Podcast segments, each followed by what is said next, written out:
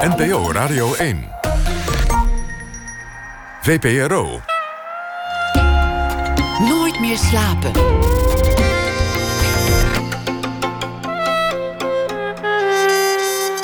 Met Elvie Tromp. Paradiso bestaat 50 jaar en daarom spreken we voor onze podcast met roemruchte gasten in de geschiedenis van het poppodium. En straks hebben we het over de jaren 80 met programmeurs Agnes Salverda en Pieter Fransen.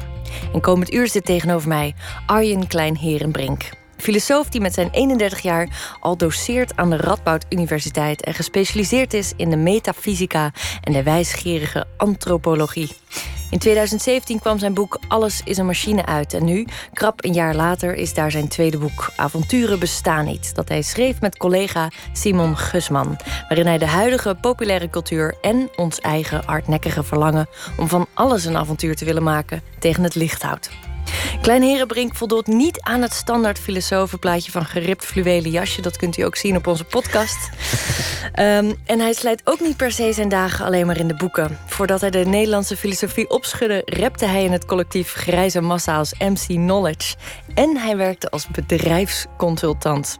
Arjen, welkom. Dankjewel. Ja, ik heb mijn research gedaan. Dat blijkt, inderdaad. Is, uh, is dat een jeugdzonde van je? Uh, dat je hebt gerept? Nee, dat is zeker geen jeugdzonde van me.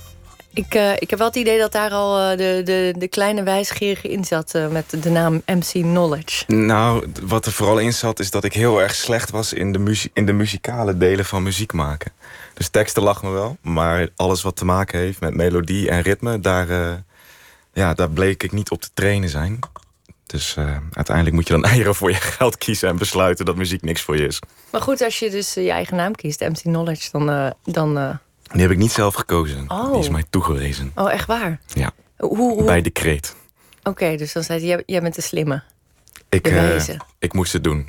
Ik moest de rol spelen. Ah, en dat, dat, je speelt het met verven. Ik heb hm. uh, je boek met veel plezier gelezen. Avonturen bestaan niet. Um, ik vond het ook moeilijk. Ik ben zelf uh, naast de interviewer ook schrijver. Dus ik leef uh, aan de hand van avonturen, het bedenken.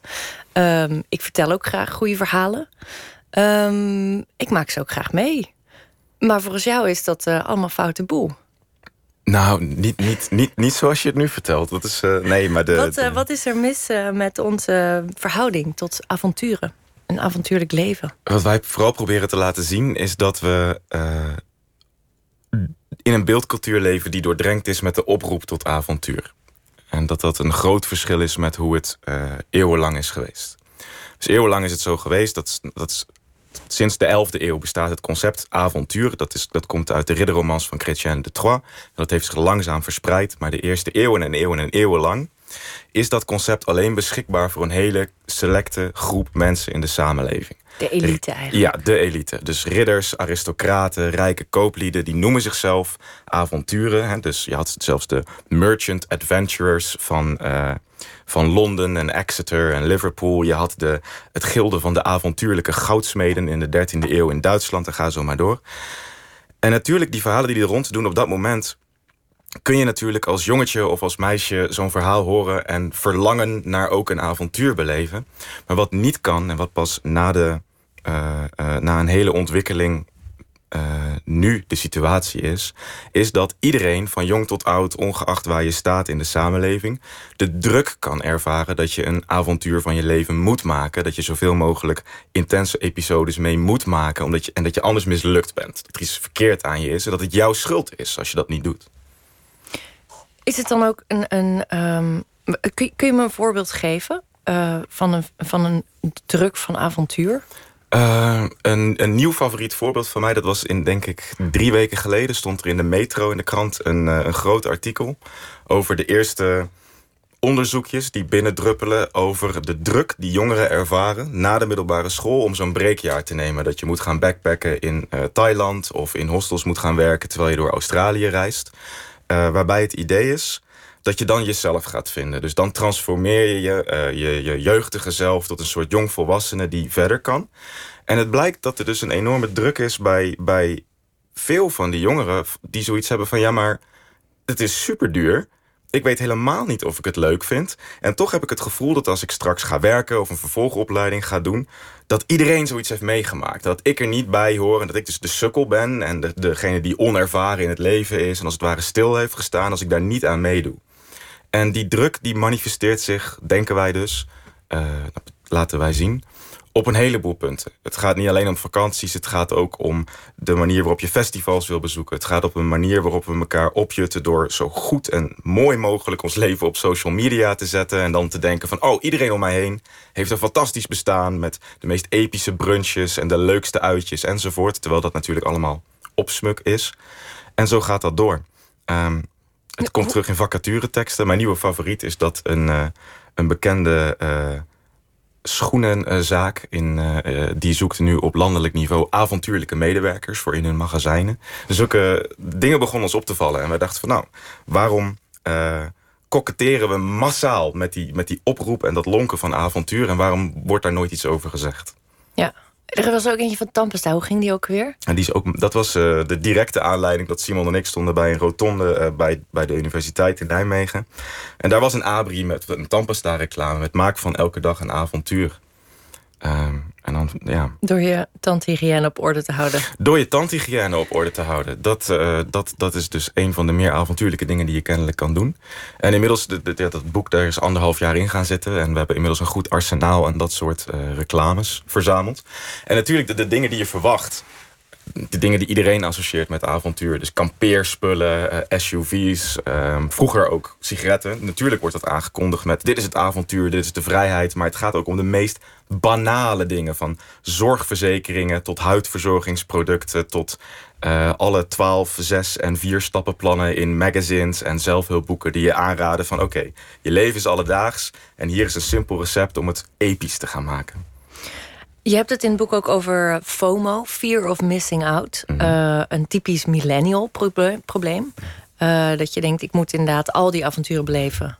Anders stel ik niet mee, anders ben ik niet een geslaagd mens. Um, is, is deze avonturendwang ook een, uh, een probleem van onze generatie? Um, ik denk het wel. We denken het wel. Of hadden onze ouders hier ook last van? Nou ja, en het, het klinkt een beetje als een, als een flauwe grap... maar onze ouders hadden er een, een, een, vast moment voor in hun leven... en dat was je midlife crisis.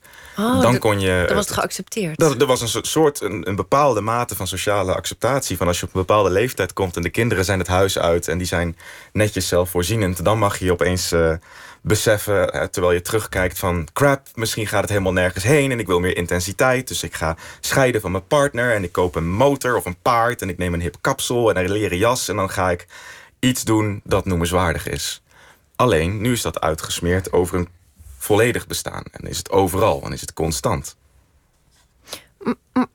Maar het lijkt me er ook wel ergens goed dat mensen... voordat ze kinderen krijgen misschien af gaan vragen... wat ze zouden willen uit het leven. En hoe ze het zouden willen beleven... in plaats van dat ze een geëikt patroon volgen. Ja, natuurlijk. Maar de, de, de, de vraag is dus... wat is de manier waarop je dat doet? En wat we in het boek proberen te laten zien... is dat al die oproepen tot avontuur... die spelen met hetzelfde uh, mechanisme. En dat is dat ze een soort garantie proberen af te geven... voor hoe gebeurtenissen zich gaan ontvouwen. Dus dat is wat er gebeurt bij, uh, om, om dat voorbeeld weer te nemen, bij die epische vakanties. Het idee wat wordt gewekt is, zodra je je ticket hebt gekocht, zodra je hebt geboekt, dan is het 100% zeker dat er iets gaat gebeuren wat op een bepaalde manier vergelijkbaar is met wat er in een romantische comedy of in een andere vorm van blockbuster gebeurt. Dus dat het net zoals uh, Harry Potter werkt. Hè? Harry Potter die, die stommelt tegen Dumbledore aan, bij wijze van spreken. En uh, vanaf dat moment wordt hem verteld van... nou, nu gaat je epische destiny zich ontvouwen... en daar gaat het. Je leven is vanaf nu af aan betekenisvol. En uh, het is natuurlijk vrij duidelijk dat als, zodra je je leven zo gaat leiden... en dat je verwachtingen gaat hebben bij uh, mensen die je ontmoet... bij dingen die je koopt, bij uh, zaken die je meemaakt... als je daarbij de verwachting gaat koesteren... dat ze gegarandeerd op een bepaalde manier gaan uh, aflopen... dan is ten eerste, zet dat een hele zware druk op jou. Want je gaat dan de werkelijkheid proberen te manipuleren... om te voldoen aan iets wat het niet heeft. Namelijk een plot dat van tevoren vaststaat. En ten tweede leidt dat tot een enorme vorm van teleurstelling. Want het gebeurt natuurlijk nooit dat het leven net zo is als in een film.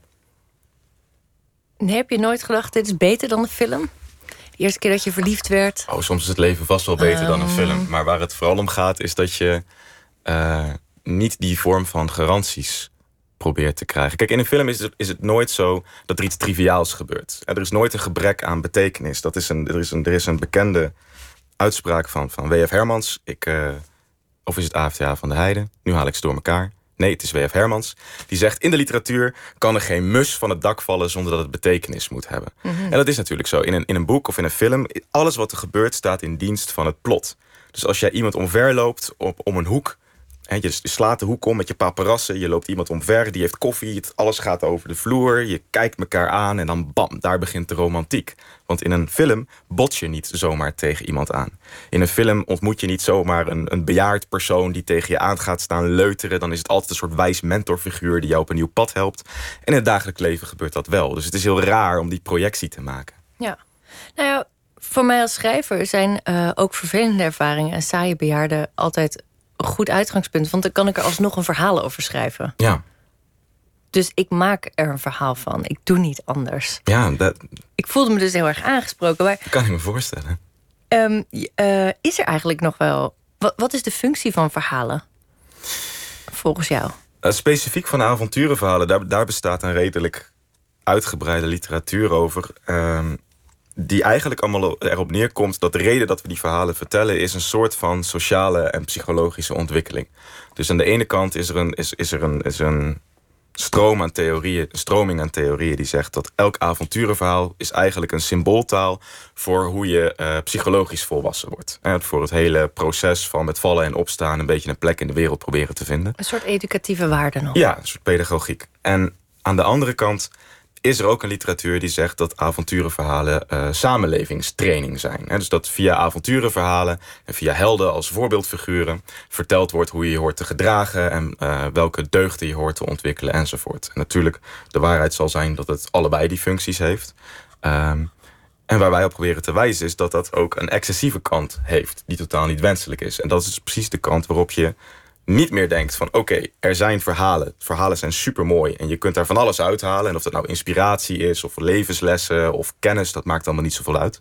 Dat slaat om in iets negatiefs zodra je gaat uh, zeggen oké, verhalen zijn niet alleen iets waar ik iets uit kan halen. Verhalen zijn iets die ik uh, pak en dan wil ik dat de werkelijkheid precies zo werkt. Mm. Een, een, voorbeeld dat we in het boek uh, aanhalen is het fenomeen wat in, uh, op de krochten van het in de krochten van het internet uh, aan te treffen is op veel plekken van uh, jonge mannen. En die zitten met z'n allen op fora en een veel, veel gehoorde, gelezen ehm, verhaal daarop is het volgende. Een jongeman is afgestudeerd, heeft zijn diploma gehaald, heeft een goede baan is naar de fitness geweest. Lichaam ziet er goed uit. Kleedt zich goed. Heeft, uh, goed. Is goed bijgespijkerd in hoe je omgaat met vrouwen. Gaat naar een bar in de net gekochte mooie auto. Spreekt een vrouw aan. En wat blijkt, ze is niet geïnteresseerd in de man in kwestie. Dus wat gebeurt er? De man in kwestie gaat terug naar huis, gaat op het internet en gaat typen. En wat je daar leest is eigenlijk altijd hetzelfde. Het, zijn al, het is altijd dezelfde terminologie die wordt gebruikt, namelijk... Women refuse to play their part. Women don't know their place. En dan komt er heel veel bevestiging en heel veel woede van inderdaad, uh, ze weten niet meer waar ze aan toe horen te zijn. En ongeacht waar je staat in die discussie, begrijpt iedereen dat je alleen maar zo kan denken als je ergens expliciet of impliciet gelooft dat de wereld zich volgens bepaalde scripts ontvouwt. En dat in die scripts bepaalde mensen op bepaalde tijdstippen bepaalde rollen hebben. Dus die mannen die verwachten echt dat als ik mij op een bepaalde manier kleed en als ik op een bepaalde manier praat, dan hoort het zo te zijn, net als in een James Bond film of een andere film met een charmante man erin, dat automatisch de werkelijkheid op een bepaalde manier uh, op mij reageert. En dat er dus figuranten zijn die mijn epische verhaal en mijn hoofdpersoon zijn, als het ware faciliteren. En dat is precies het punt waarin het normaal omgaan met verhalen omslaat in het raar omgaan met verhalen. Ja, dat het bijna een soort dogmatisch wordt of afdwingen van mhm. een, uh, een werkelijkheid, een gewenste werkelijkheid. Dit doet me trouwens ook denken aan uh, een tijd terug was uh, What the bleep do we know? Dat mensen zo hun toekomst gingen visualiseren. En als je dan visualiseerde, dan was dat, was dat wat je nodig had of wat, wat je zou krijgen.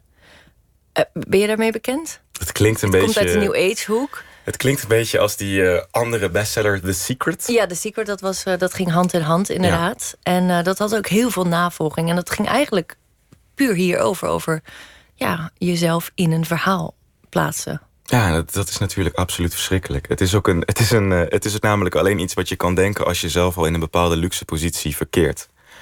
dus dus die boeken, die zelfhulpboeken en documentaires, dat vindt natuurlijk gretig aftrek bij mensen die daadwerkelijk best wel wat kansen hebben. Maar iedereen begrijpt natuurlijk dat zodra je dat gaat vertellen aan iemand die echt heel erg ziek is, of die echt heel veel honger heeft, die, of die echt op een plek in de wereld leeft waar het absoluut ellendig is. En als je daar tegen gaat vertellen van nee joh, je moet je gewoon focussen op het universum en dan geeft het je wat je wil, dan komt die absurditeit natuurlijk naar voren. Mhm. Je zegt zelfs in het boek, uh, avonturen zijn voor mensen wat alcohol voor een alcoholist is. Ja. Kun je dat uh, uitleggen? Het klinkt nogal giftig. Nou ja, er is een verschil tussen. Dat is precies het verschil tussen af en toe van alcohol genieten. en alcohol nodig hebben om de dag door te komen. Wat wij niet zijn, wij zijn geen uh, zure filosofen die nu uh, proberen te betogen dat alle avonturenverhalen de prullenbak in moeten. En dat, ze absoluut, uh, dat het absoluut verschrikkelijk is als je iemand bent die geniet van een goede sessie Star Wars of een nog, goede sessie. Ja, ik geloof dat je zelf een enorme filmliefhebber bent. Of ja, het komt, het komt ook volledig voort uit onze eigen obsessie met precies avonturenverhalen.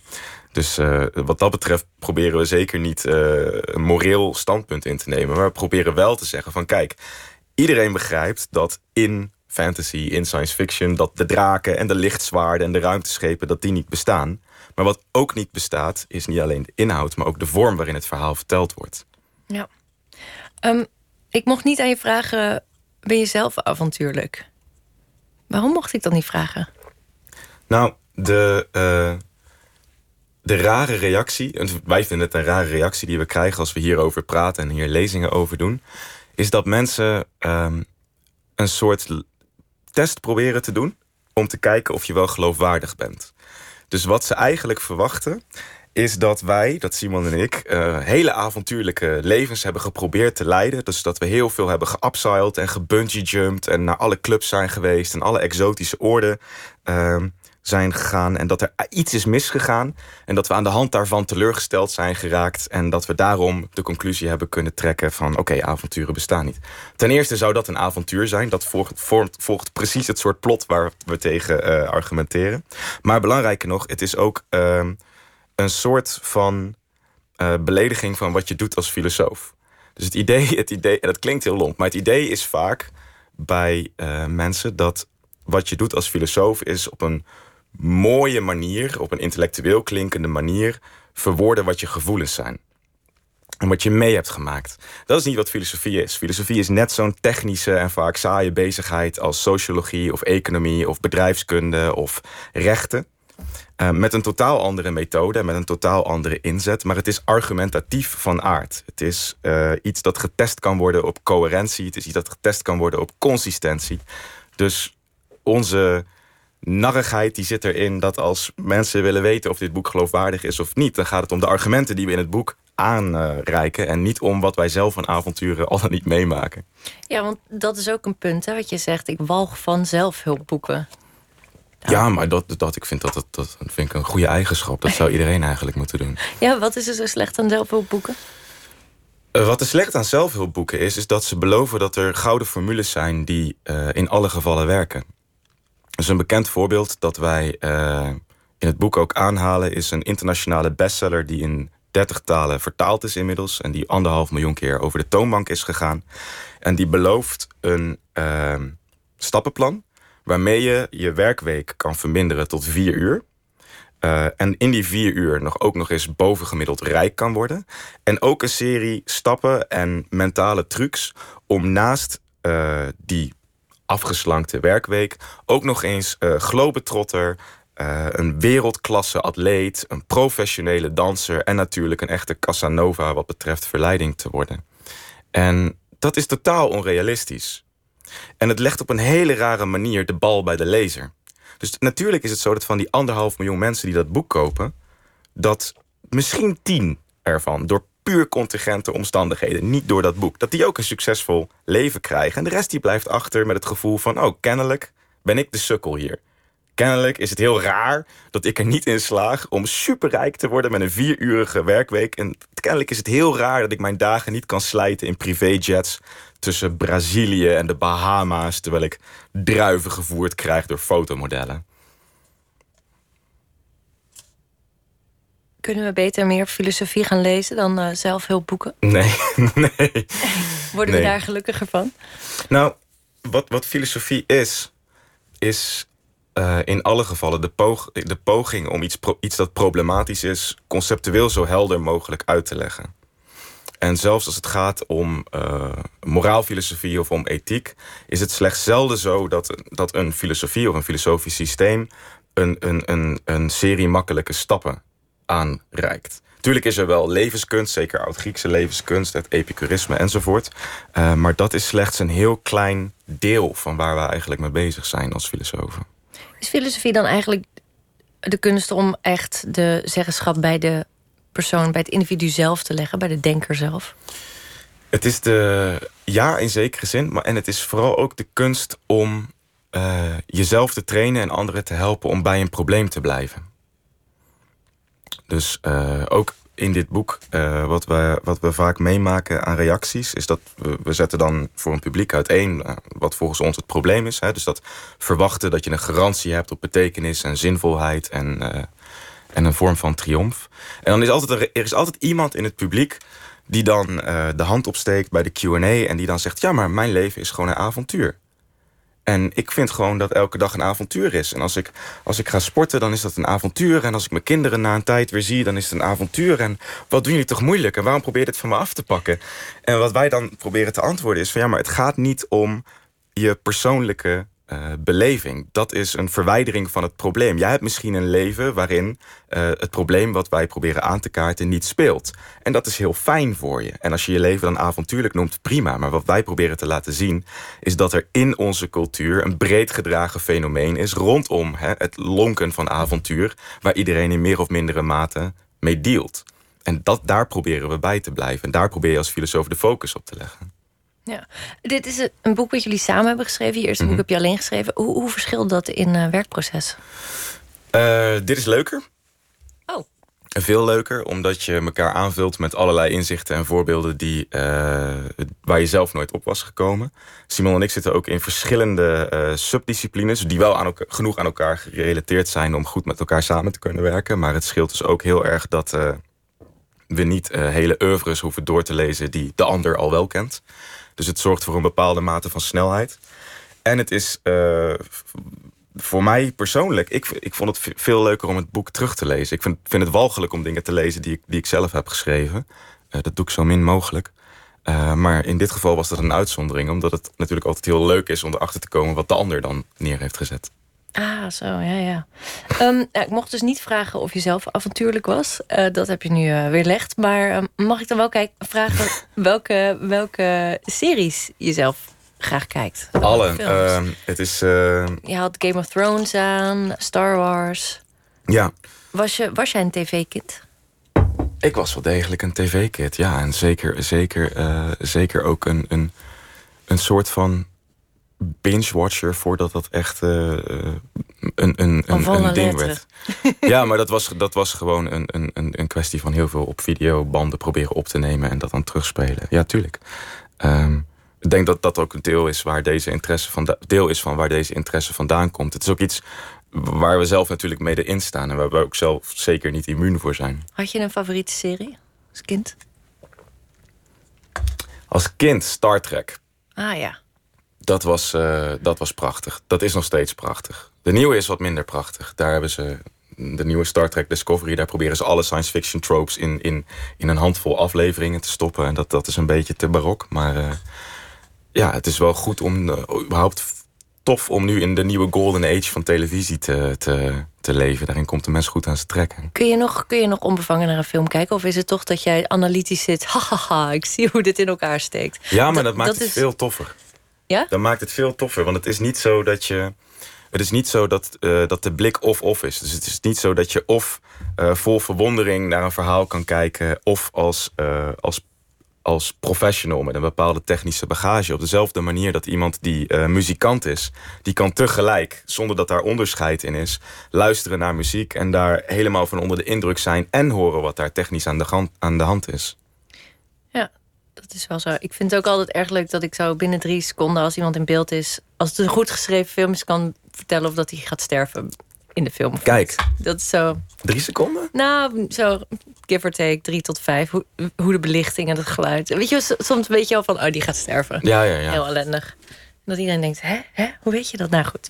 Um, ik voel me wel, we hadden het net even dat je een tv-kind was. Um, ik, uh, ik, ik ook, natuurlijk. Ik, uh, ik fantaseerde dat ik Sina de Warrior Princess was.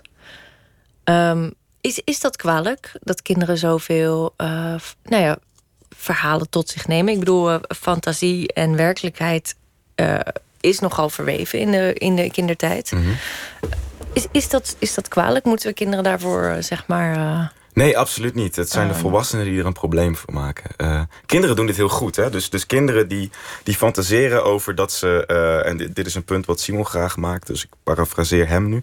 Kinderen die, uh, die fantaseren heel makkelijk. jonge kinderen, nu ben ik een prinses, nu ben ik een kikker... nu ben ik een rups, ik ben een vrachtwagen enzovoort.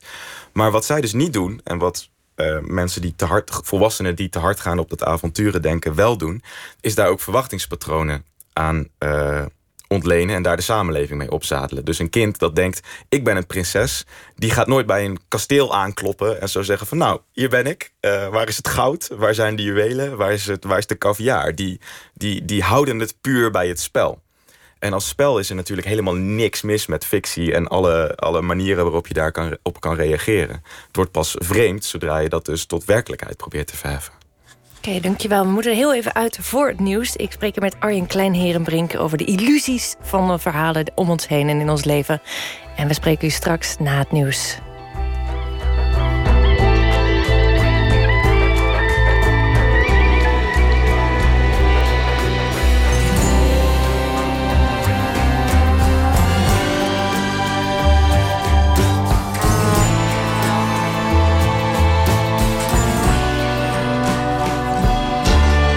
Radio 1.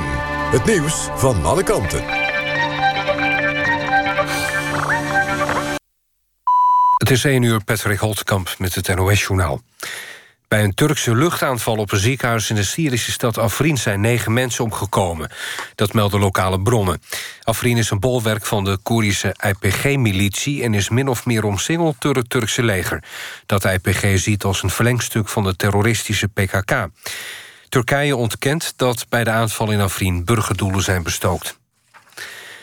De videoscheidsrechter debuteert komende zomer op het WK voetbal in Rusland. Dat heeft de FIFA op een vergadering in Bogota besloten. Het besluit hing al een tijdje in de lucht. Met een videoscheidsrechter zou het aantal correcte beslissingen stijgen van 93 naar 99 procent. In Nederland heeft de KNVB de laatste seizoenen al getest met het technologische hulpmiddel, waarmee beslissingen op het veld teruggekeken kunnen worden op een scherm naast het veld. Bedrijven die het zogenoemde zelfmoordpoeder verkopen... leveren dat niet meer aan particulieren. Dat meldt RTL Nieuws na een rondgang langs aanbieders. Aanleiding is de dood van de 19-jarige vrouw uit Uden... die vorige maand zelfmoord pleegde met het poeder. Het middel wordt gebruikt in de levensmiddelen- en metaalindustrie en kon nu alleen nog door bedrijven worden gekocht. Buitenlandse inmenging is een bedreiging voor de Nederlandse democratie, schrijft het kabinet aan de Tweede Kamer. Daarom doen de inlichtingendiensten gericht onderzoek, onder meer naar subsidies uit Arabische landen voor religieuze instellingen in Nederland. Later dit jaar komt het kabinet met maatregelen om buitenlandse geldstromen in te perken. Het weer. In het midden en zuiden kan wat sneeuw of natte sneeuw vallen. Minima vannacht tussen min 1 en min 5 graden. Overdag veel bewolking met in het zuiden nog wat sneeuw. In het noorden kan de zon doorbreken en er staat veel wind... en de maxima liggen rond het vriespunt. Dit was het NOS Journaal. NPO Radio 1. VPRO. Nooit meer slapen.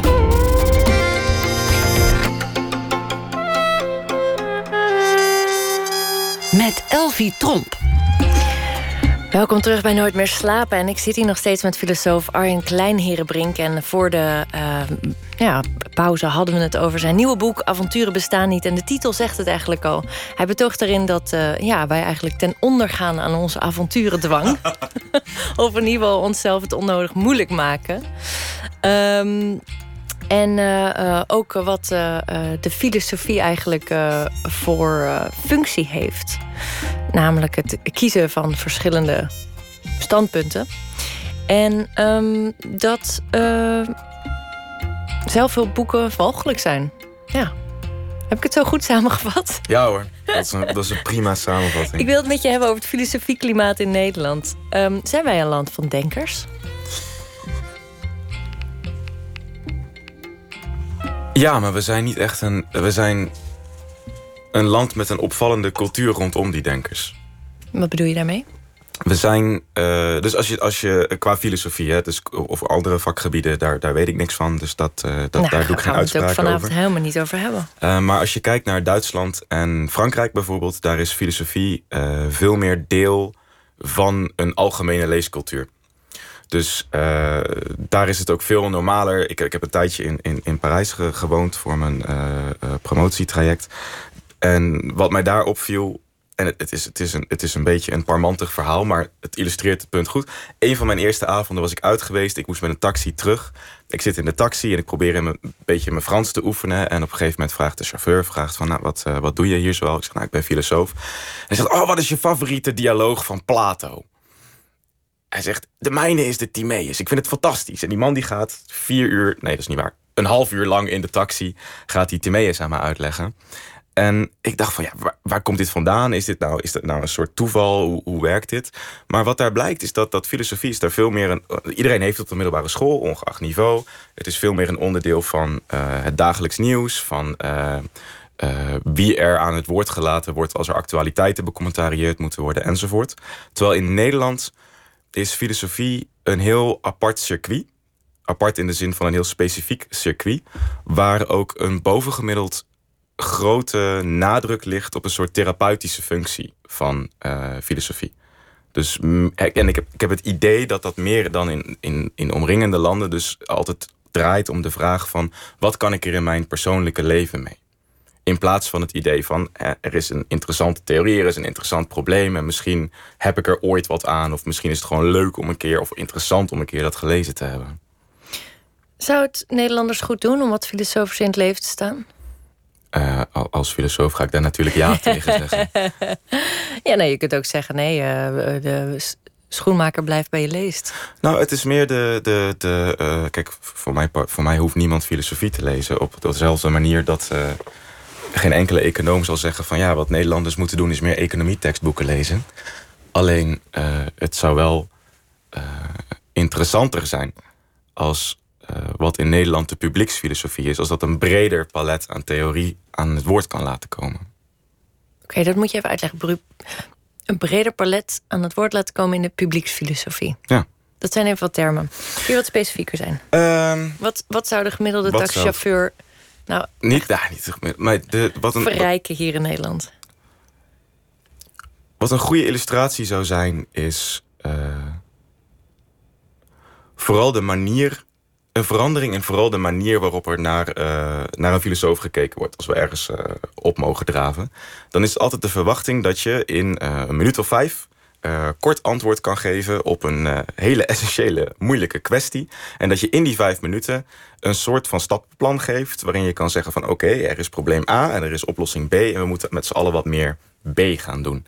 En dat is niet iets wat wij doen. Uh, academische filosofen zijn niet echt vaak heel erg bezig met wat is het stappenplan dat we moeten gaan doen, maar veel meer met de, de diagnose van een probleem.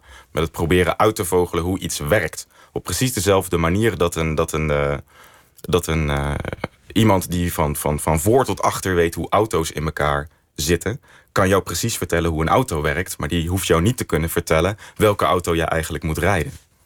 Nee. We, hebben ook het land, we zijn ook het land van stand-up filosofen in het theater. Het is een soort trend. Ja. Ja, en jullie geven ook lezingen. Voel je je dan toch ook verplicht om een soort van te werken in soundbites of in klippenklare voorbeelden? Uh, nee, niet echt. Er is, er is prima aan te ontsnappen als je er een beetje op let. Nou ja, want ik vroeg me wel af. Ik, ik, vond, ik lees al vaak filosofie en ik, ik vond je taal zo uh, opvallend open en helder. En um, filosofische teksten neigen naar zichzelf te verwijzen. En in zichzelf gekeerd te zijn. Ook een soort. Ja, je moet eerst het hele begrippensysteem begrijpen. Of tot je nemen voordat je überhaupt de tekst tot je kan nemen. En Mhm. dat had ik hier absoluut niet het geval. Dat, dat, dat probleem had ik niet. Je zat er zo in. Ik dacht, heb je, heb je dat bewust gedaan? Is dat, is dat ook een verlangen van je om meer mensen aan de filosofie te krijgen eigenlijk? Uh, wat we met dit boek uh, hebben we dat wel bewust proberen te doen. In de zin dat de eerste hoofdstukken hebben we zo herkenbaar mogelijk gemaakt. Dus die gaan vooral over hè, welke reclames zie je, uh, hoe worden vacatureteksten geschreven, uh, hoe, zitten, hoe, hoe is het denken over avonturen overgeërfd uit ridderromans waar iedereen wel wat van weet enzovoort. En naarmate het boek vordert, hebben we, proberen we er steeds meer theorievorming in te brengen, zodat we mensen langzaam in dat stuk filosofie wat we uh, het belangrijkst vinden, proberen te introduceren. Maar de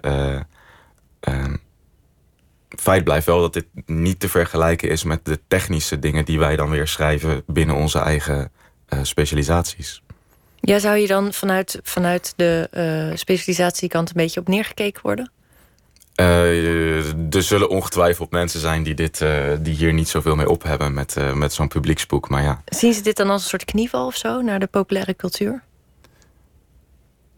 Dat komt voor, ja. Natuurlijk. Ja, nee, dat blijft. Maar wel Kijk, maar de, er is uh, geen, enkele, geen enkele emotie is, uh, is academici uh, vreemd. En dus wat je ook zal doen in de academie, er zal altijd iemand zijn die het verschrikkelijk vindt wat je doet. Ja, nou ja, het, het, het, het pad van, um, oh, dat mag ik eigenlijk niet zeggen, jouw pad naar de filosofie. Dat is, zeg ik dat je ook een avontuur volgt. Goed. Um, jij raakte beïnvloed door de filosofie, ook door de Denker des Vaderlands destijds. Um, kun je me even vertellen hoe dat ging? Dus ja, de huidige denker vaderlands, oh ja, dus René ten Bos. Ja. Ja. toen ik bedrijfskunde studeerde, toen was er in het laatste vak... Uh, nee, in het laatste jaar was er een optioneel vak. Critical Management Studies. En uh, dat werd gegeven door René. En uh, dat was voor het eerst dat ik in aanraking kwam met filosofie. Want het idee was dus om naar organisatietheorie te kijken... vanuit filosofische theorie die daarover bestaat. En dat was voor mij het begin van het eind. om het maar quasi-avontuurlijk te verwoorden. Dus het is een klein beetje René's, uh, René's schuld dat ik uh, nu dit doe in plaats van consultancy. Ja, wat ongetwijfeld uh, beter betaald of glansrijker. Ja, financieel is het niet de, meest, niet de meest intelligente beslissing die ik ooit heb genomen. Zeker niet. Nee, ik weet nog bij de banen keuzes bij de middelbare school dat dat altijd wel wordt afgeraden. Zo van filosofie heeft de laagste baanzekerheid. Ja, dat is dus niet Na waar. de theateracademie, geloof ik. Absoluut niet waar. Nee? Nee. Oh. Uh, dat houden we bij, namelijk. Oh. En uh, de filosofiestudenten, ik geloof dat het uh, binnen anderhalf jaar... heeft 85% van de alumni een, een, vaste baan. En de salarissen die zijn vergelijkbaar met veel sociale wetenschappers. En bijvoorbeeld veel beter dan psychologie. Nou, dat is hoopvol. Ja. ja. Um, wat heeft filosofie met pornosterren te maken? Nou, het, uh, dat is, dat Dit is een uitspraak uh, van jou. Uh, wat filosofie met vrouwelijke pornosterren te maken heeft. Er zijn maar twee categorieën volgens jou. teen of milf. We zijn aanstormend of toonaangevend professor. Dat is, een, dat is een grap die uit context is gerukt. Maar dat is wel wat ik gezegd heb, inderdaad. Ja. Nee, maar dat is, dat, is een, dat is niet mijn observatie. Het is een bekende observatie dat in porno de vrouwen zijn of tieners of moeders. Er is ja. geen tussencategorie. Nee. En de, de grap die ik een keer gemaakt heb, is dat het als je als jonge filosoof uh, functioneert, dan uh, kom je in een soort gelijke wereld. Dus uh, je, je ziet dat ook heel duidelijk bij collega's. Van je bent altijd een jong aanstormend talent. En dan opeens, bam, dan ben je een veteraan in, in, in het wereldje van de filosofie. En er is geen tussenfase. Nee. Je zegt zelf, ik zit nu in die aanstormende carrière, of in die aanstormende fase. je bent 31. 33. 33, sorry.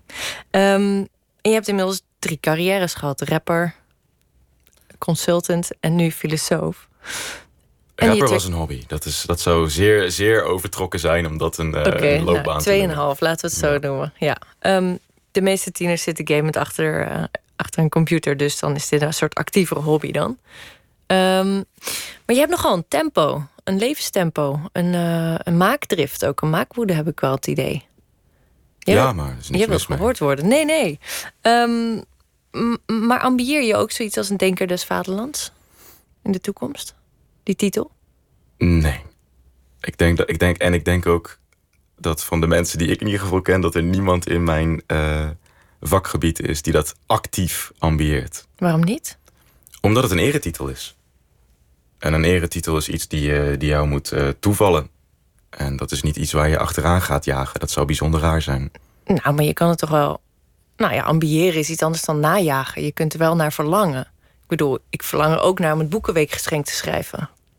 Ah, zo. Ja, nee, zo. het is. Uh, oh, het dat is, zou toch een keer mooi zijn, jongens. Ooit dat doelpunt te maken. Ja, oké, maar dat is toch ook iets waarvoor je benaderd moet worden. Het is, je, gaat Ja. toch, je kan toch geen twaalf stappenplan Nee, dat uit gaan is dokteren niet, van... nee. oké, als ik dit, dat en dat en dat doe... dan heb ik over tien jaar ben ik in de Nee. positie om het boekenweek, boekenweekgeschenk te schrijven. Maar je kunt wel bijvoorbeeld eh, hele ehm, eh, toegankelijke boeken over filosofie schrijven.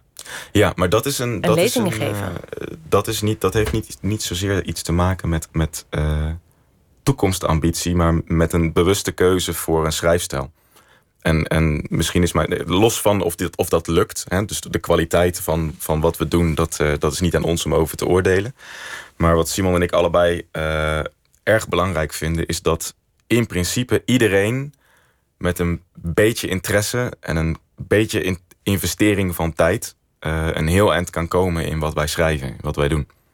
Dus het is voor ons belangrijk dat als wij de claim hebben van oké, we schrijven hier op een, over een onderwerp dat iedereen aangaat, of je nou een, eh, een jochie van 14 bent of een eh, bejaarde van eh, 82, dat ook iedereen in die hele bandbreedte van wat wij pogen te analyseren, daar een bepaalde toegang toe heeft. Ja. Het was ook wel een strikvraag hoor, over die eh, eh, eh, denker des vaderlands. Omdat je betoogt in je boek dat verhalen prima zijn... zolang je maar geen verwachtingen hebt en daar naar Mhm. gaat leven. Ik hoop dat ik me er een beetje uitgered heb. nee, je hebt het juiste antwoord gegeven. Maar het lijkt me heel moeilijk eh, die verwachtingen los te laten. Want bestaat de dag niet bij gratie van verwachtingen. Tenminste, ik zelf loop verlangend door de dag heen. Ja. Naar het moment van de volgende maaltijd... die eh, hopelijk geurig en smaakvol is. Naar Ja. dat ik mijn nieuwe liefde weer zie. Tot dat ik mijn hondje weer kan knuffelen. Nou ja, goed, dat zijn allemaal zo van die verwachtingen die ik heb. Ik denk, oh, zijn dat dan ook slechte verwachtingen? Ehm, nou, dat, dat ligt dus aan de manier waarop je in die verwachting staat. En dat, gaat dan, dat, dat, dat, dat zijn eigenlijk twee facetten die ook achter in het, later in het boek ter sprake komen. En eentje gaat over causaliteit en eentje gaat over temporaliteit. Laten we dat kort even doen. Ik zal met de tweede beginnen. Dus als jij, als jij verwacht dat dingen van tevoren al vaststaan, in plaats van dat ze zich nog moeten ontvouwen en dat het misschien wel of niet lukt. Als je verwacht dat dingen van tevoren al vaststaan, dan gaan er rare dingen gebeuren. Dus dan ga je bijvoorbeeld denken van, misschien is deze liefde die ik nu heb, deze relatie die ik nu heb, niet echt het ding waar ik bij moet blijven, maar de les die ik moet leren Oh ja. om de volgende te pakken te krijgen. Die dan de ware gaat zijn. En ik heb dat meegemaakt, dat om mij heen mensen hun relatie verbraken. Niet zozeer omdat er iets slechts aan de hand was of iets mis was gegaan, maar dat ze als het ware bang waren, de angst hadden van als ik hierin blijf, dan worden dingen misschien een routine. En eigenlijk is deze relatie die ik nu heb misschien alleen maar een stap op weg naar de volgende. En dat gaat een soort zelfwerkzaamheid krijgen, waardoor je om hele vreemde redenen, namelijk de verwachting dat er een soort script aan het spelen is, waar je maar aan te voldoen hebt, hele vreemde dingen kan gaan doen. Dus niet dat ik zeg dat het altijd verkeerd is om een relatie uit te maken. kunnen hele goede redenen zijn, maar deze reden is meestal een beetje vreemd. Dus dat is dat stuk dat je doet alsof van tevoren de boel al vaststaat. En het tweede punt is eh, dat je eh, ten aanzien van je verwachtingen twee dingen kan denken. Dus in dat voorbeeld waar we het er straks over hadden. Hè, dus die jongens die verwachten dat meisjes zich op een bepaalde manier gedragen omdat ze hun rol maar moeten spelen. Dan denk je dus dat er een soort script in de werkelijkheid is. En dat is de causale factor die aan het werk is in hoe mensen zich moeten gedragen en hoe wij over elkaar denken. Terwijl wat wij proberen te betogen is dat je moet begrijpen dat dat verwachtingspatroon jouw projectie is. Dat jij niet een script of een wetmatigheid in de werkelijkheid. Jij bent de bron van jouw verwachtingen over de werkelijkheid. En die verwachtingen kunnen in jou door allerlei zaken gecreëerd zijn die buiten jou liggen, maar jij bent die bron. Dus als jij denkt dat je, als je de club inloopt, dat iedereen maar in katzwijn voor jou moet vallen. En het lukt niet. is het dus incorrect om super kwaad te gaan lopen zijn op die mensen. Het is correct om te denken van oké, ik heb deze verwachting. Waarom heb ik die? Waarom komt die? Waar komt die vandaan? En waarom word ik zo kwaad als het niet lukt? Ja. Ik, uh, ik vond het ook verrassend dat er een heel politieke component in het boek zit. Ja. Dus het gaat niet alleen over films en televisie, maar je haalt ook Mark Rutte meerdere malen aan. Ja, dat was een dankbaar voorbeeld. Ja. Dus het is uh, wat we denk twee keer citeren, is het uh, Mark Rutte voorbeeld van over discriminatie in, geloof ik, men sollicitatiebrieven. Zich, ja, men moet zich invechten. Ja, dus hij zegt zoiets als: Ik heb nagedacht over het probleem van discriminatie in sollicitatieprocedures. Ik heb geconcludeerd dat het bestaat. En ik heb ook geconcludeerd dat ik er niks aan kan doen. Dus als je Mohammed heet, dan is het nou eenmaal moeilijker om erin te komen uh, dan wanneer je Jan of Kees heet. Dus Mohammed zal zich altijd moeten blijven invechten. Dat is uh, waar we meerdere malen mee. Mohammed moet wel in het, Mohammed moet wel in het avontuur nou ja, en dat is, dat is dus het punt. Want wat daar de, de, de minister-president dus letterlijk zegt: van hè, de werkelijkheid werkt op een bepaalde manier. Sommige mensen worden nou eenmaal als hoofdpersonen behandeld. Andere mensen worden als figuranten behandeld. En als een figurant een hoofdpersoon wil worden, dan moet hij zich net als de film dus invechten. Op een soort. Je hoort bijna de, je hoort bijna de teamsong van Rocky spelen. En wat wij dus. Uh, proberen te, te, te benadrukken, is dat er dus kennelijk één ding is dat Mohammed niet mag doen. En dat is dus de gang van zaken ter discussie stellen en daartegen protesteren. En zeggen van, hallo, uh, dit, dat script hoeft er niet te zijn. Het hoeft niet zo te zijn dat dit zo werkt. Je kunt er wat aan doen. Duurt misschien lang, kwets misschien uh, een heleboel mensen die dat niet leuk vinden. Dat ze erop aangesproken worden dat ze een impliciete bias hebben. Maar het is niet zo dat het onveranderlijk is. voorkeur. Hm? Ja, uh, bias. Een impliciete voorkeur, voorkeur, hebben, ja. ja. ja. Dus uh, impliciet racisme, ja. Sartre is belangrijk voor je. Ja, Sartre is belangrijker voor Simon dan voor mij, maar hij is ook belangrijk voor mij. Hij komt vaker terug in het boek. Uh, wat, uh, wanneer kwam Sartre nou ja, in jouw leven? We hadden ooit tijdens onze studie filosofie met een groepje vrienden hadden we het idee dat we ons Frans eens moesten gaan verbeteren. Want dat, uh, dat was om te huilen. En het helpt in filosofie als je, de, als je een brontaal kan begrijpen. Omdat het, ja, het, is een, het is vaak een heel technische discipline... die echt op hele kleine betekenisnuances opereert. Dus het is handig als je wat talenmeester bent. En het idee was, uh, we gaan uh, Sartre's Het existentialisme is een humanisme... in het Frans van voor tot achter uh, doorakkeren. Dat is heel snel gedegradeerd in een soort wekelijks wijndrinkfestijn... Wat heel prettig was, maar uh, waar niemand heel veel uh, Frans van leerde. Ik denk dat Sartre dat zelf ook veel deed. Uh, nou, die had, die had meer met drugs. Hmm. Um, en vrouwen. Gaat het verhaal? Ja, en met vrouwen. Ja. Maar goed, er zal vast een flesje wijn bij hebben gestaan. Ongetwijfeld. Um, wat, was het, wat was het betoog dat zo belangrijk was voor avonturen bestaan niet van Sartre? Ah, het, punt van Sartre, kijk, er is een soort clichébeeld van over existentialisme dat het alleen maar gaat over radicale vrijheid. Dus alsof iedereen uh, à la het, uh, het programma Ik Vertrek op ieder moment kan besluiten van en nu ga ik dit of dat doen in de wereld. Uh, dat, dat, is het alleen, ja, dat is het imago van Sartre, dat is niet de inhoud van Sartre. Wat Sartre probeert te laten zien is dat het individu, en ik weet niet of Simon dit hetzelfde zou verwoorden overigens, maar ik denk dat hij probeert te laten zien dat het individu nooit weg te reduceren is, uit welke situatie dan ook. Dus dat je een plicht hebt om zelf te blijven kiezen en dat je verantwoordelijkheid hebt voor waar je mee bezig bent. Dus het kan nooit zo zijn uh, dat je als het ware zegt over een uh, beroemde atleet van oh, die persoon is in de wieg gelegd om dus de, de, basketballer te worden. Hè? Dus om Michael Jordan te zijn. Uh, of uh, Mozart is geboren om de klassieke componist te zijn die hij is geworden. Waarom kun je dat niet zeggen? Dan doe je alsof dat individu niet bestaat. Dan doe je alsof er een cassettebandje afspeelt met een van tevoren vastgelegde serie gebeurtenissen. En dat die persoon daar helemaal niks mee doet. Dus dat die persoon als het ware in een soort karretje zit in de achtbaan van haar of zijn eigen leven. En dat is iets wat niet klopt. En ik kan nou de, de, de, de eindeloze technische analyse geven van waarom dat niet klopt, waarom het incoherent is dat het niet klopt. Maar biografieën worden altijd gezien in het licht van het. Het ding achteraf. Ja, Ja, van het ding achteraf. En zie je. En dan verbind je de zinvolle punten en niet de zinloze punten. met elkaar, precies. Ja. Dus wat, wat, in, en, en wat een biografie dus ook doet, is weer die avontuurlijke illusie wekken. Dat Ja. ieder element van een leven op zijn plek valt en ergens bij hoort en logisch ergens naartoe werkt. Terwijl dat niet zo is. Alleen we worden niet. We worden constant verleid om te denken dat dat wel kan. Dat je zo'n heel erg betekenisvol leven kan hebben. Daarom hebben we bijvoorbeeld zo'n fascinatie voor beroemdheden die beroemd zijn met beroemd zijn. Die doen precies hetzelfde als jij en ik. Die zijn beroemd met praten over films en series, met hun mening geven over dingen, met proberen een beetje een imago te hebben en naar, naar plekken toe te gaan die een beetje interessant zijn. Het enige verschil is dat er bij hun een camera op staat en de suggestie wordt gewekt dat het allemaal super betekenisvol is. Dus als wij naar de supermarkt gaan, is het niet interessant. Maar als Jay-Z naar de supermarkt gaat, is het super interessant.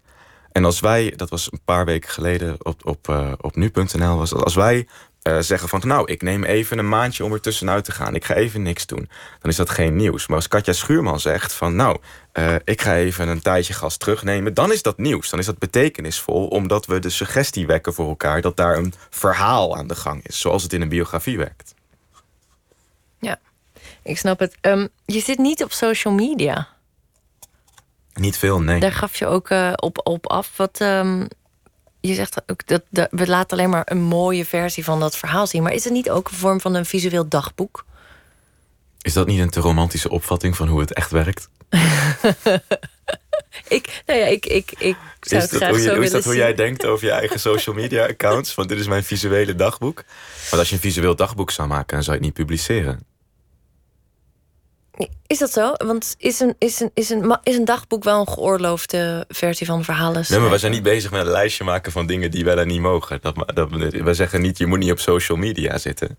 Wat wij wel proberen te zeggen is, Nee, je keurt het wel af. we keuren het niet af. Wat wij proberen te zeggen, wij, wij hoeven het namelijk niet af te keuren. Mm. Het punt is dat er al een wijd eh, bevestigd fenomeen is van onder andere FOMO, de fear of missing out. Het idee dat iedereen op social media wordt geconfronteerd met andere social media accounts waarop het leven veel gaver lijkt. En het is al lang bekend en goed onderzocht hoeveel, hoeveel druk mensen daarvan ondervinden. Hoe dat leidt tot vormen van eenzaamheid, minderwaardigheidscomplex. eh, het gevoel dat jij niet presteert en de rest van de mensen om je heen wel. De druk om van je alledaagse bestaan constant intens, iets intensers te maken. Eh, ja, het, is- niet dat Simon en ik moeten komen vertellen dat er nare kanten aan social media zitten. Dat doet het, dat doet het eigenlijk van zichzelf wel. Nee, nou voor de documentaire Kinderen van het Succes eh, ging je even het, het, het beeld van een geslaagde filosoof op social media spelen. En ik vond het heel interessant dat daar maak je een selfie van jezelf en dan zeg je, oh, ik vind het eigenlijk best wel leuk. Wat gebeurde daar? Ja, maar het is natuurlijk gewoon ontzettend leuk. Het, het drukt al je narcistische knopjes in. Van ja, hier gaan we. Het was niet eens. Het, en het was nog erger. Want het was niet alleen dat ik een foto van, foto's van mezelf aan het maken was. Het was ook nog eens bij een, een, een bekende boekhandel in Parijs. Waarbij je leuk, op de, leuk beeld hebt. En er stond ook nog eens een cameraploeg omheen. Dus als je een beetje je narcistische eh, moment wil hebben. Ja, dat was wel echt eh, dat moment. Maar tegelijk blijft het natuurlijk super, super vervreemdend. Ja. Ja, dus het hele idee van nu ga ik online een beeld van mezelf scheppen waar alleen de hoogtepunten van mijn leven in zitten. Maar dus, ja, heb je een telefoon met een camera erop? Of hou je die foto's gewoon puur voor jezelf? Ik heb een telefoon met een camera erop, ja. Je hebt ook wel zo'n anti-stroming die dan juist weer helemaal eh, bijna analoog gaan leven. Maar dat betoog je niet. Nee, nee, nee. Nee. We zijn bijna aan het einde van ons gesprek. En ehm, we hadden het al eerder even over die maakwoede van jou. Ehm, twee boeken in eh, twee jaar. Eh, ben je nu bezig of is het nu even goed? Ga, je als Katja Schuurman er even een tijdje tussenuit? Nee. Wat kunnen we van je verwachten? Eh, ik ben nu bezig met mijn eerste Engelstalige monografie. Die komt wat is, hopelijk wat, dit wat jaar. is een monografie? een academische studie. Ah, oké. Maar die komt als het goed is ergens dit jaar uit. En eh, voor de rest eh, beraad ik mij op een eh, nieuw Nederlands boek. Oké, en wat verwacht je van de gemeenteraadsverkiezingen? De gemeenteraadsverkiezingen. Ik, ik woon in Nijmegen. Daar kun je al voorspellen eh, wat het wordt. Oh ja, dat, Dat is, nooit echt heel spannend. hè? Ja. Dus ja, daar staat niet zo heel veel op het spel. Heb ik altijd het idee. Misschien heb ik daar helemaal geen gelijk in. Maar ik heb het idee dat dat al jaren best wel constant is. Ehm, dus ja, zo heel spannend is het daar niet. Arjen Kleinerenbrink, mag ik je bedanken voor de komst naar de studio. Ik heb genoten van dit gesprek en ook van je boek Avonturen bestaan niet. En dat ligt nu in de winkel. Dankjewel. De 83ste editie van de Boekenweek staat in het teken van de natuur. NPO Radio 1 vroeg luisteraars naar een favoriet of geliefd literair fragment die op de natuur betrekking heeft.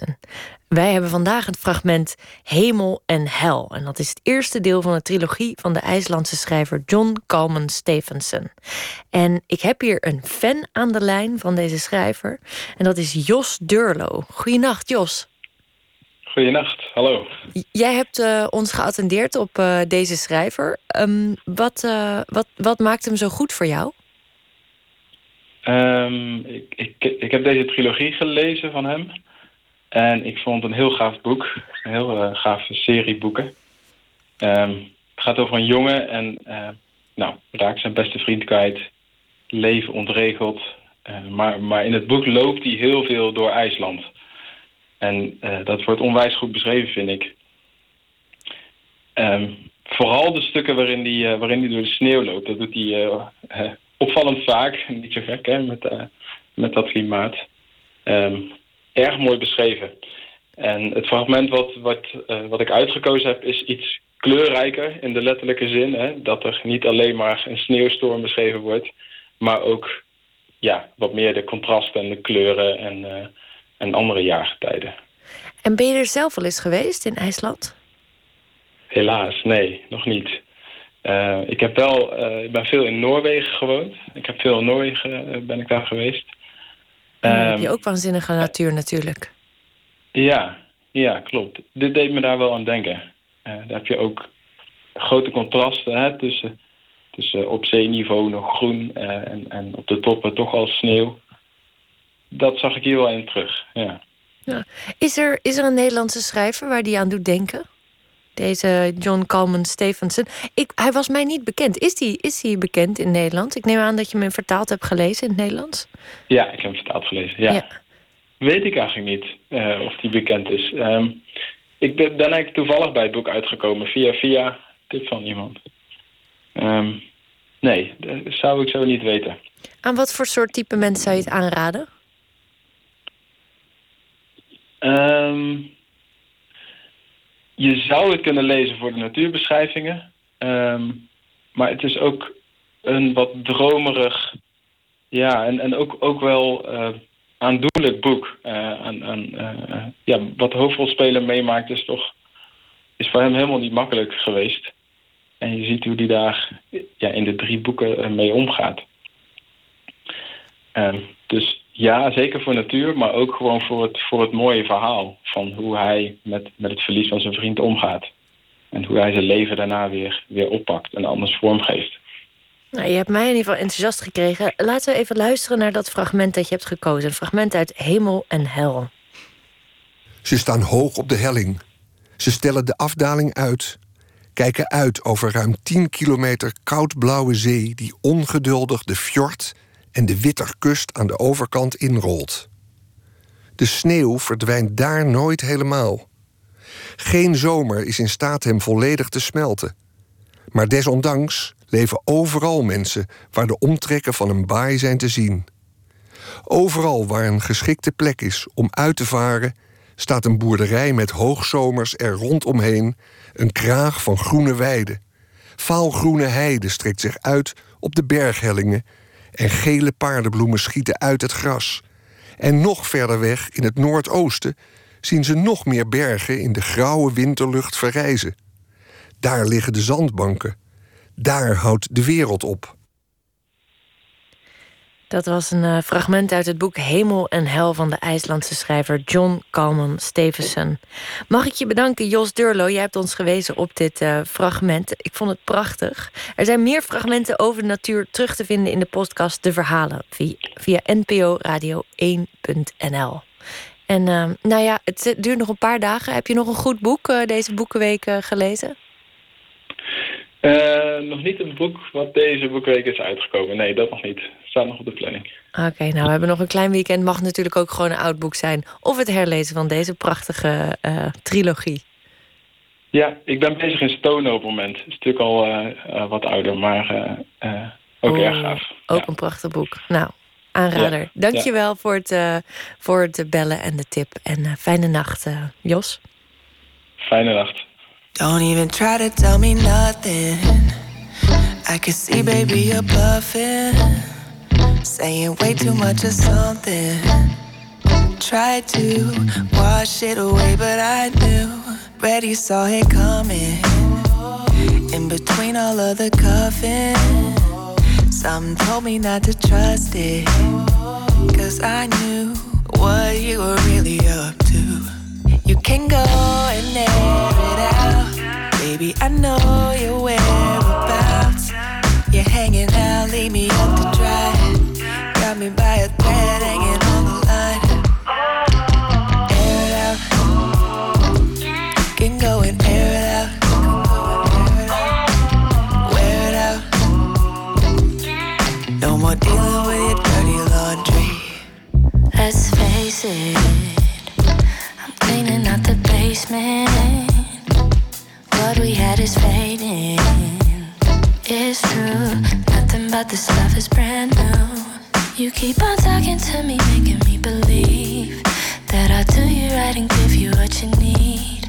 I packed your bags for the laundromat, and once you leave, ain't no coming back. You can go and air it out. Baby, I know your whereabouts. You're hanging out, leave me up to dry. Got me by a thread hanging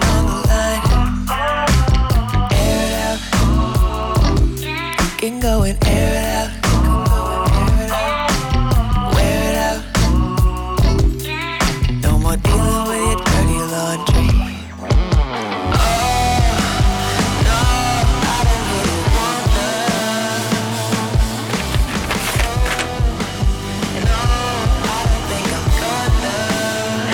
En dat was Dirty Laundry van Malia. Nooit meer slapen. Op 30 maart is het exact 50 jaar geleden dat Paradiso werd opgericht. En dat was reden voor ons om de podcastserie Paradiso 50 te maken. En in vijf afleveringen reizen we door de turbulente jaren waarin het Amsterdamse podium zich ontwikkelde van vrijzinnige kerk naar hippie hangout. En van drugshol en punkhoofdkwartier tot professioneel en toonaangevend poppodium. Deze maand zenden wij elke vrijdag een ingekorte versie van de podcast uit. En we gaan verder vandaag met aflevering 3, waarin Lotje IJzermans ons meeneemt naar de jaren 80. De jaren van de Koude Oorlog en de opkomst van Club Nights. Paradiso 50, aflevering 3. Into the Groove. Welkom bij Paradiso 50, bij aflevering Into the Groove. Straks onthult Ernst Jans na 35 jaar een van de belangrijkste redenen voor Doe Maar om in de jaren 80 met live optredens te stoppen. We praten met Peter de Bos van Clawboys Claw. En verder komt DJ Eddie de Klerk hier aan tafel. En praten we over de legendarische Paradiso-portier Jozef Horvat. Maar eerst introduceer ik een van de weinige mensen... die op drie manieren verbonden is geweest aan Paradiso. Vanaf 1977 als veelvuldig bezoeker. Vanaf uh, 1980 als muzikant in bands als The Scene, Blue Murder en The Jack of Hearts. En sinds ongeveer 1985 als werknemer Kors Eikelboom. En om even te laten horen hoe diep Kors in de scene zat... er werd zelfs een liedje over hem geschreven door een bevriende band... de Truckene Keks, die dat nummer op single uitbrachten. Het nummer heet Niet alle meisjes zijn verliefd op Kors.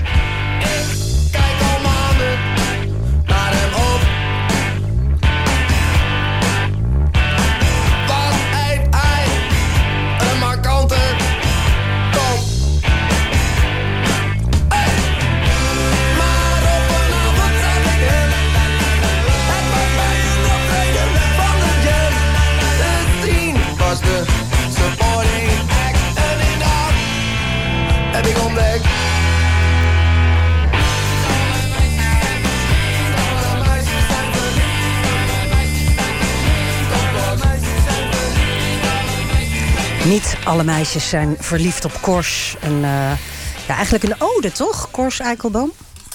Um, nou, zo mag je het zien. Ja, heb je er veel last van gehad, van dit nummer? Nee, ik heb er veel plezier van gehad. Uh, we worden nog steeds uh, 36 jaar na dato regelmatig aan herinnerd. Echt waar? En, ja. Door zowel bekende als onbekende. mensen barsten soms plotseling spontaan uit in het eh, refrein. eh, Als ze jij mij je zien. voorstelt. Ja. en dat is toch wel bijzonder. Eh, Dennis Whitbread, de drummer vroeger van Het en, eh, en ehm, eh, Exception eh, in de jaren 70 en in de jaren 60 van Het, die zei toen het uitkwam: eh, Nou ben je immortal man. Ja, nou, Nou. mooi. Ja, en het, eh, het was dus van de Trukkende Keks, maar niet eh, Rick de Leeuw zong dit nummer, maar Piet van Dijk die eh, ook in Panic zat, waar we het de vorige keer al eh, over hadden. Ik zei het al, eh, jij bent op drie verschillende manieren verbonden aan, eh, aan Paradiso als bezoeker, veelvuldige bezoeker, als eh, stagehand, daar begon je mee, nu werk je in de productie, en als muzikant. Wat was je eerste keer Paradiso? Nou, die datum heb ik dus in mijn geheugen gegrift. eh, uiteindelijk 26 september 1977, eh The Clash. Met Ja? Susie en de Banshees in het voorprogramma. Ja. En, wat dacht je? Nou, dat was een, een levensveranderende ervaring, zoals ze zeggen. Ehm, ik was al heel veel naar concerten geweest voor iemand. Ik was toen 18, maar ik was al vanaf mijn twaalfde al heel veel naar concerten geweest. Maar niet in Paradiso Niet in dus. Paradiso. En ehm, meer grote dingen. Ik zag de Hoe in de Oude Rij in 1972 bijvoorbeeld. En hier kwam het zo dichtbij. ehm, in Paradiso en met de punk natuurlijk. Ehm, en dat was een eye-opener. Een, ehm, ja, eh, een, eh, nou, wat ik zei, een levensveranderende ervaring. En dacht je toen, ik moet ook iets doen, of was je al aan het drummen? Ik was al drummer. Eh, niet met de ambitie om dat eh, professioneel te gaan doen, totaal niet. Maar ik speelde al vanaf mijn negende. Eh, dat ik later in de scene, twee jaar later in de scene terecht kwam, was eigenlijk puur toeval. Hoe gaat dat toeval dan? nou, ja, toeval, een, beetje geholpen toeval. Ik, was, ik had auditie gedaan bij de Tapes. Wel bekend, van de gebroeders Hermsen. Ja, En- Rolf en Fred Hermsen. Ja, en daar was ik niet aangenomen, maar mijn nummer was wel doorgegeven aan Telau.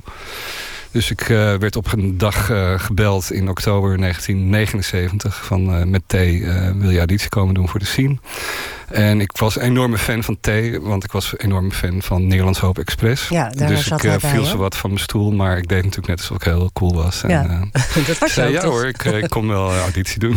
Ja.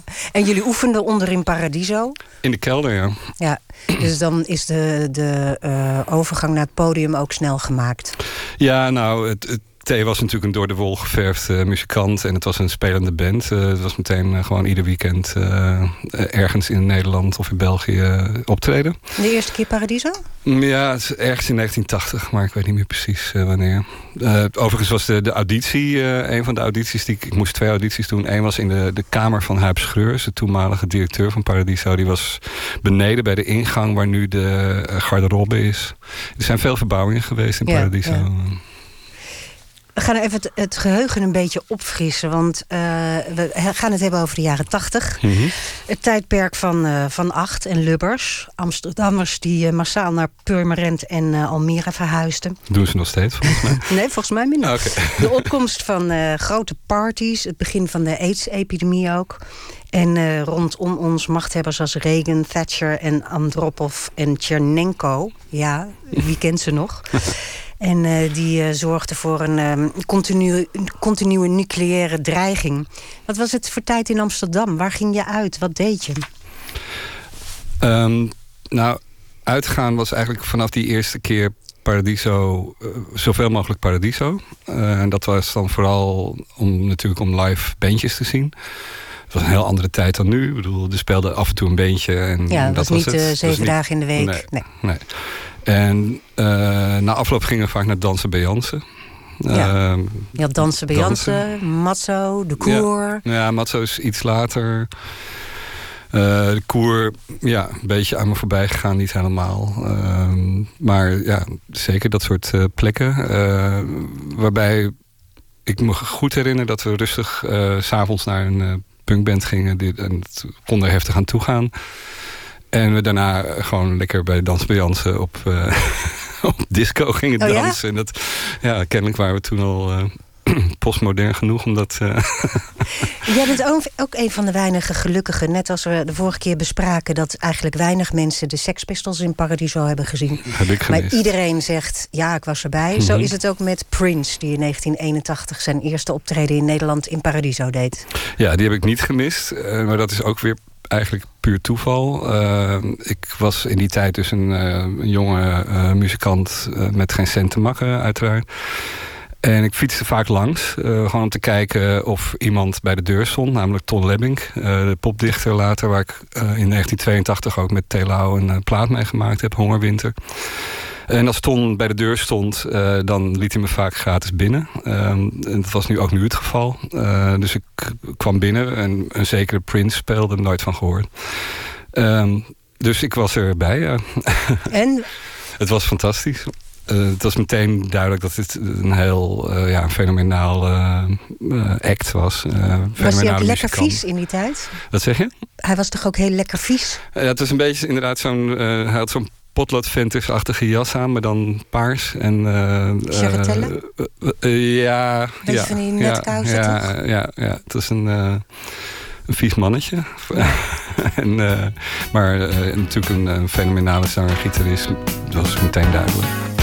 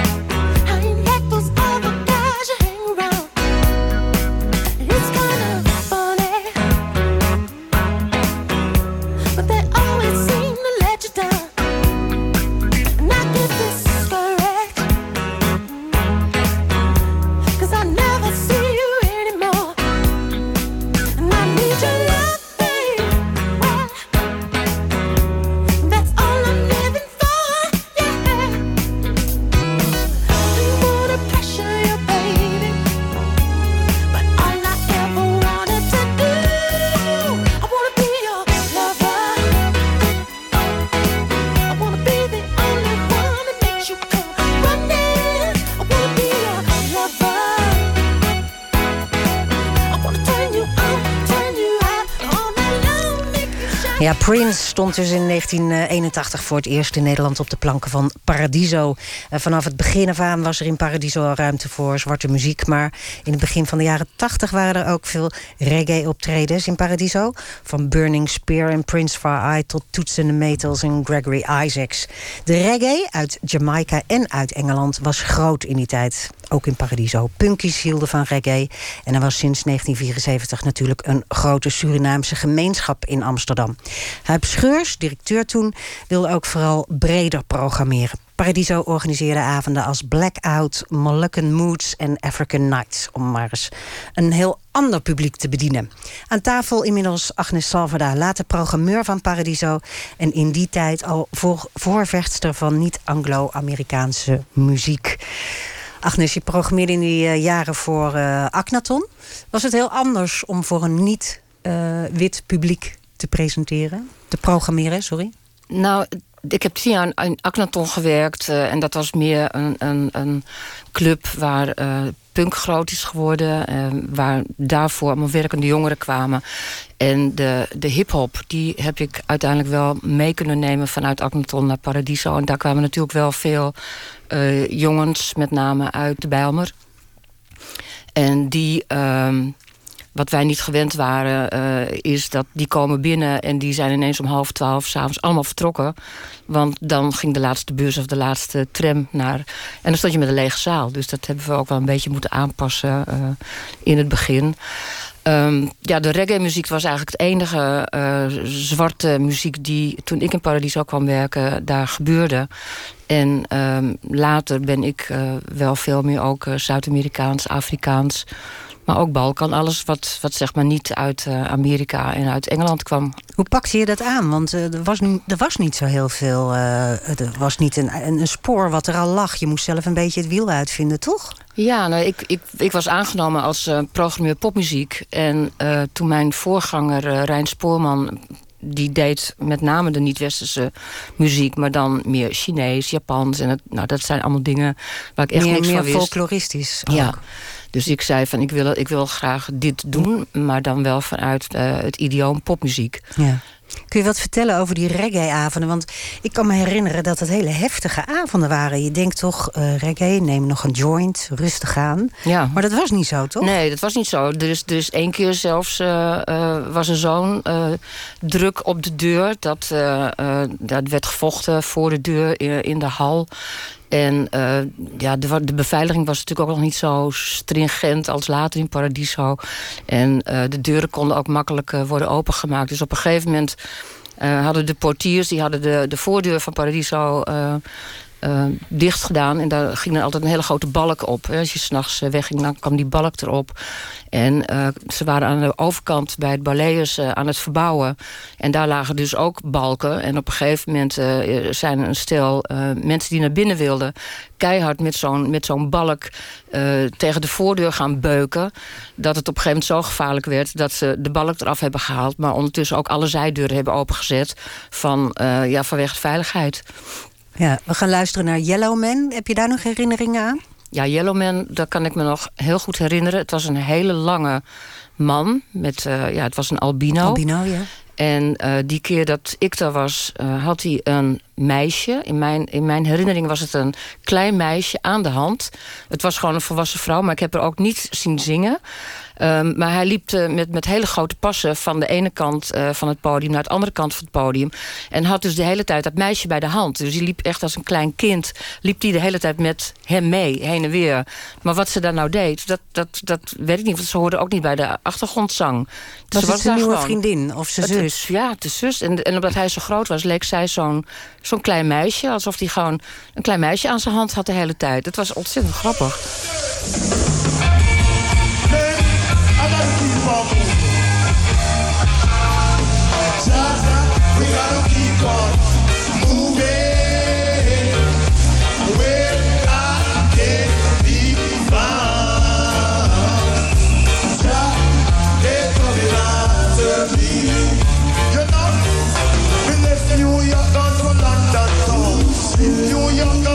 London town.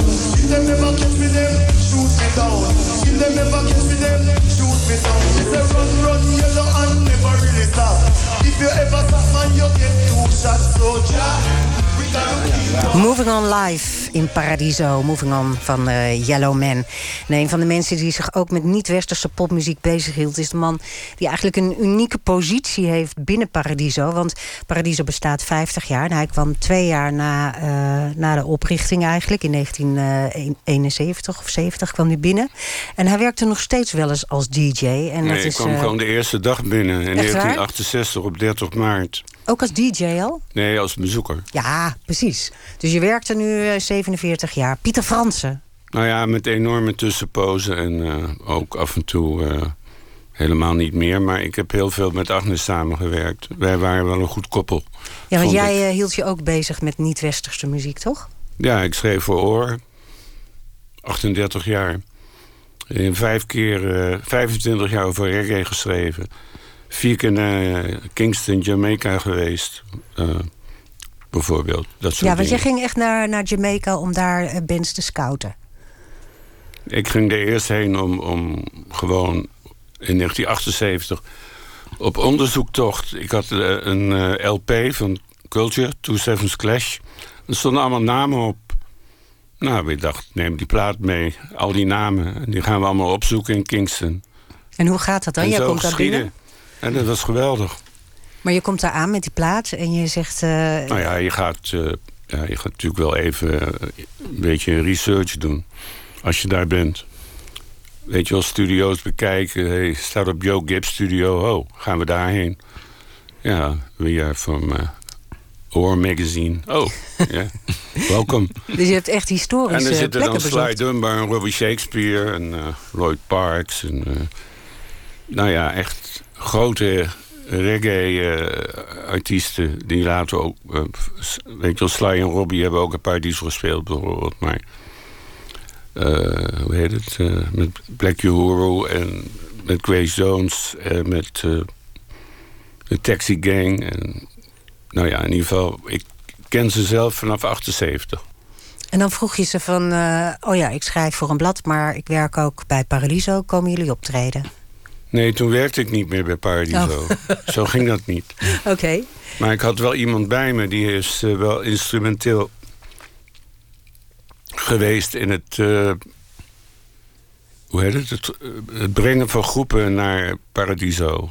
Een Amerikaanse dame.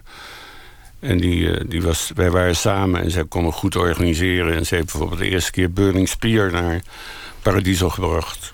Nou ja, dan ging ik er in, interviewen, Burning Spear. Dus op zich was het allemaal heel leuk. En, eh, door haar heb ik ook Afrikaanse muziek ontdekt in 1980 of zo. Maar al eerder door Koert Lindeyer, die eh, vanuit Nairobi eh, van die enorme Afrikaanse platen. Nou, niet enorm, maar enorm lange nummers van Afrikaanse platen. Ja, Koert. Lindeyer, moet ik even vertellen, was vroeger de huisde- huisdealer van Paradiso. Inmiddels eh, gerespecteerd eh, Afrika-correspondent. Ja. En die eh, gaf jou dan, die stuurde jouw platen op vanuit Nairobi. Nee, die had hij meegenomen en die liet hij mij horen op zijn kamer. 576 of zo. Dat was een plaat van Verkies, dat weet ik nog. Ik dacht, dat, wie is dat Verkies? Achteraf blijkt een heel beroemde saxofonist te zijn. En die plaat is later ook op het Analog Africa label opnieuw uitgebracht. Eh, nou ja, goed, ik heb hem dus in v- 75 voor het eerst gehoord. Maar geen idee wie het was. Maar wel de, hoe, hoe leuk de muziek was. Hoe, eh, hoe kwam het dat jullie allebei zo open stonden voor die niet-westerse muziek? Want eh, het was toen toch allemaal Anglo-Amerikaans wat klok sloeg. Nou ja, dat weet ik eigenlijk niet. Ik kwam, ik kwam in die tijd eh, veel in, eh, in, Engeland, in Engeland. Daar was een grote eh, Caribische gemeenschap, een grote Jamaicaanse gemeenschap. En ik was toen bevriend met muzikanten uit Manchester, onder andere van Simply Red en, en een aantal van die, van die lokale bandjes daar. En als je daar op bezoek was, iedereen draaide daar reggae-muziek. Dat was daar al heel populair. Dus ik kocht me al mijn platen in Manchester. En die, de, of ik nam ze daar gewoon op, eh, op eh, cassettebandjes. Dat nam ik mee naar huis. En zo is mijn liefde voor de reggae-muziek eh, ontstaan. En toen ik in Akhenaton werkte, of net in het begin van mijn werkzaamheden in Paradiso, eh, kwam ik in contact met, eh, met eh, onder andere Pieter, met Bas Springer, die werkte toen bij Boeddhisk, met Stan Rijven, die werkte voor de Trouw. En zij waren een beetje een, een, een denktank voor mij. En uiteindelijk zijn Pieter en ik heel vaak samen gaan eten. En dan, ja, dan gaat het, dat is nog steeds zo, als wij samen uit eten gaan, dan gaat het alleen maar over muziek. En, Dat doen jullie nog steeds? Nou, Dat doen we nog steeds, ja. Pieter kijkt nu heel verbaasd naar jou. Pieter Huh? is lid van de kring en ik niet. Dus hij mag mij af en toe eh, uitnodigen. En dan gaan we in de kring eten. En dan, eh, dan, dan, dan, ja, dan bomen we gewoon echt eh, over muziek. En dat is heerlijk. We gaan nog even luisteren naar ehm, Gregory Isaacs. Oh, de mooiste stem van de reggae. Ja? Ja, ja.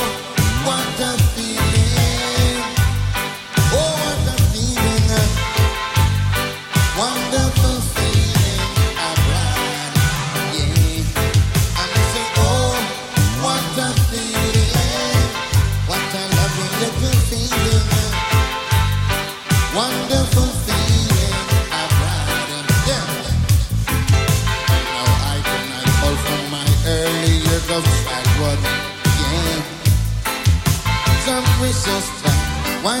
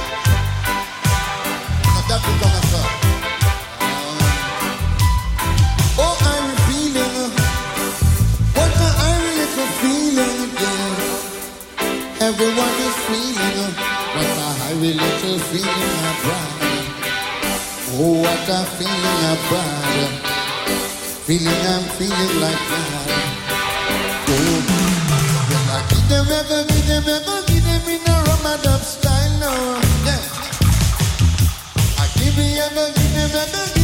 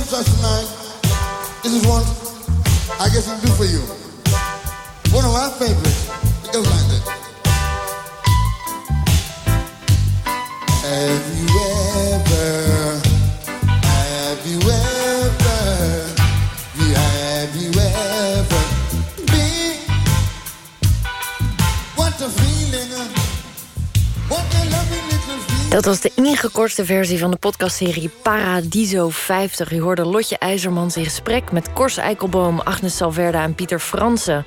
Nu wilt u natuurlijk de langere versies luisteren en dat kan via eh, de podcastserie Paradiso 50. Die kunt u downloaden via iTunes, Stitcher of andere podcastkanalen. En dan kunt u onder andere verhalen van Eddie de Klerk of Peter de Bos horen. Maar ook onthult Ernst Janst na 35 jaar waarom hij eigenlijk nou stopte met Doe Maar. Dus dat in de lange versie van Paradiso 50. Maandag zit hier Pieter van der Wielen met Jack Woutersen. Het nieuws van alle kanten.